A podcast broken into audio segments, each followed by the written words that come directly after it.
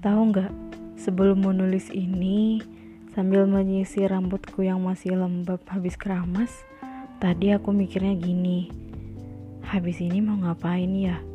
Mau main Mobile Legends bentar, mau nonton YouTube mukbang, atau mau nulis aja ya? Soalnya udah lama juga nggak nulis buat update podcast. Pilihan yang kontras banget emang. Belakangan ini ada hal-hal sulit untuk dilakukan sehari-hari, yaitu memikirkan apa lagi yang bisa dikerjakan. Mau ngapain mau ngapain lagi ini? Ujung-ujungnya ya balik lagi swipe-swipe handphone dari satu aplikasi ke aplikasi yang lain sampai nggak kerasa waktu udah kian larut. Habis itu ngomelin diri sendiri. Ih, ngabisin kuota aja ngabisin waktu sia-sia.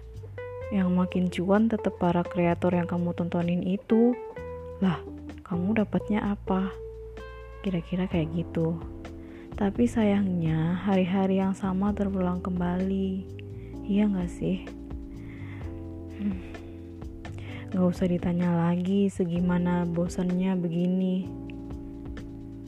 Uh, kemarin ada sih kegiatan online test dari hasil applying kerjaan aku. Ya lumayan kurang lebih selama 5 jaman lah depan laptop.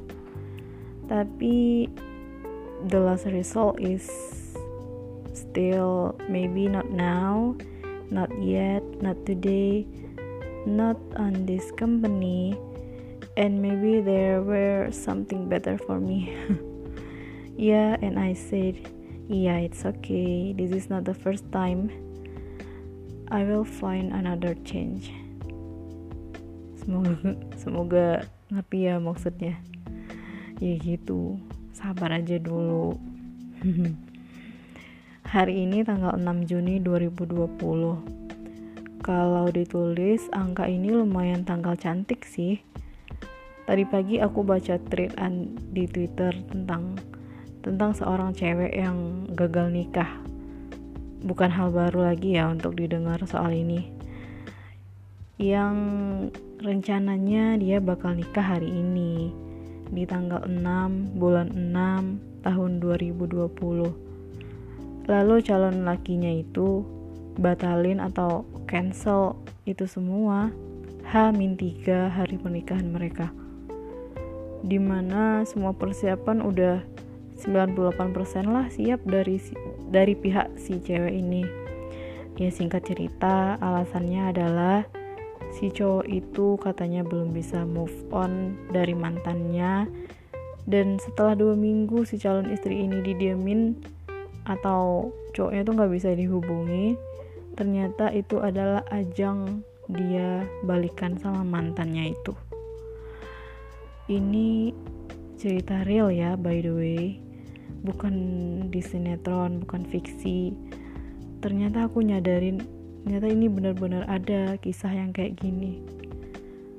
Nauzubillah ya aku sendiri nggak bisa bayangin sih kalau kejadian ini aku yang ngalamin lalu di tweetan itu banyak yang replay katanya.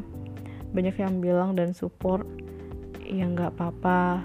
Mending gagal sekarang daripada nanti setelah rumah tangga terbangun uh, ya nggak apa-apa bersyukur aja.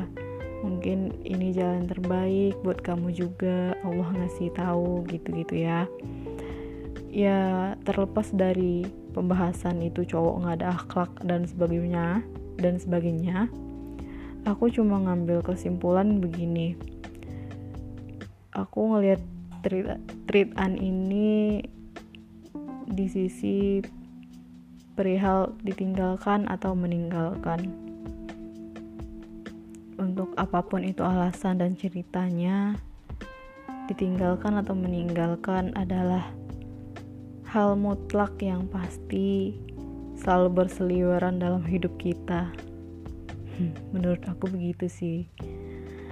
Lalu aku juga tadi banyak baca soal cerita yang terjadi di salah satu kota di India sana yaitu mungkin teman-teman juga banyak yang udah tahu ya udah dengar udah baca yaitu seekor gajah yang sedang hamil dan lagi kelaparan dan memakan buah nanas yang ada di situ yang ternyata di dalamnya ada petasannya.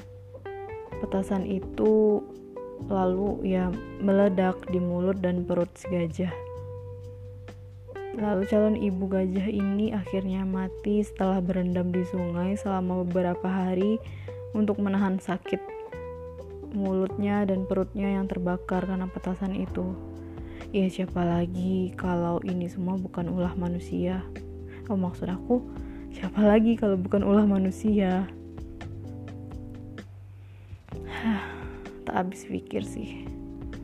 Entah apa yang ada di benak mereka sampai sampai tega sebercanda ini kepada nyawa sesama makhluk hidup. Ke ya entahlah, aku speechless banget sih. Tapi apa-apa yang aku baca, yang aku lihat tentang kejadian-kejadian di luar sana, di sisi lain itu semua cukup mengalihkan aku dari ke overthinkinganku karena overthinking itu tak kalah tragis sebenarnya dari banyak kejadian-kejadian miris di luar sana.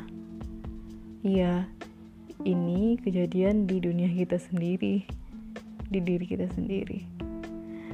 Soalnya, menurutku, sekali kita overthinking, itu akan merusak semangat, hasrat, dan sisi-sisi positif yang ada dalam diri kita. Ya, jangan sampai ini jadi kebiasaan ya. Jadi teman-teman, usahakan kalau susah tidur, jangan suka overthinking. Untuk aku juga ini.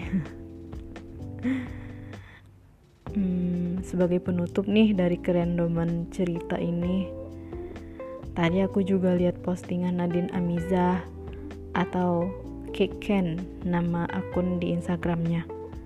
Itu loh pelantun lagu Amin paling serius yang suaranya enak banget emang dengan lirik-lirik lagu yang dia tulis sendiri yang nancep-nancep semua di hati. Tahu kan? Iya, jadi kira-kira di video itu dia bilang gini. Buat yang lagi sedih, buat yang lagi ngerasa gak punya temen, ngerasa sendiri, cuma mau bilang, tenang, masih panjang banget. Jangan semuanya harus sekarang, jangan semuanya harus dimengerti sekarang. Lihat di sekeliling kamu, masih banyak teman-teman, masih ada keluarga yang bakal selalu ada dan dukung kamu. Kira-kira begitu kata dia. Dan aku juga mau bilang sih bahwa iya benar gak semuanya mesti terjawab sekarang. Semua ada garis waktunya. Luaskan lagi sabarnya. Gak ada yang cepat ataupun terlambat. Percaya aja sambil tetap mengayuh hingga nanti pasti akan berlabuh. Kalau kesepian itu datang kalau mulai capek dan ngerasa sendiri tenang, pasti masih banyak teman-teman, orang terkasih, dan keluarga yang selalu bisa kamu jadikan tempat untuk pulang. Hmm. Selamat malam, selamat terlelap. Jakarta, 6 Juni 2020.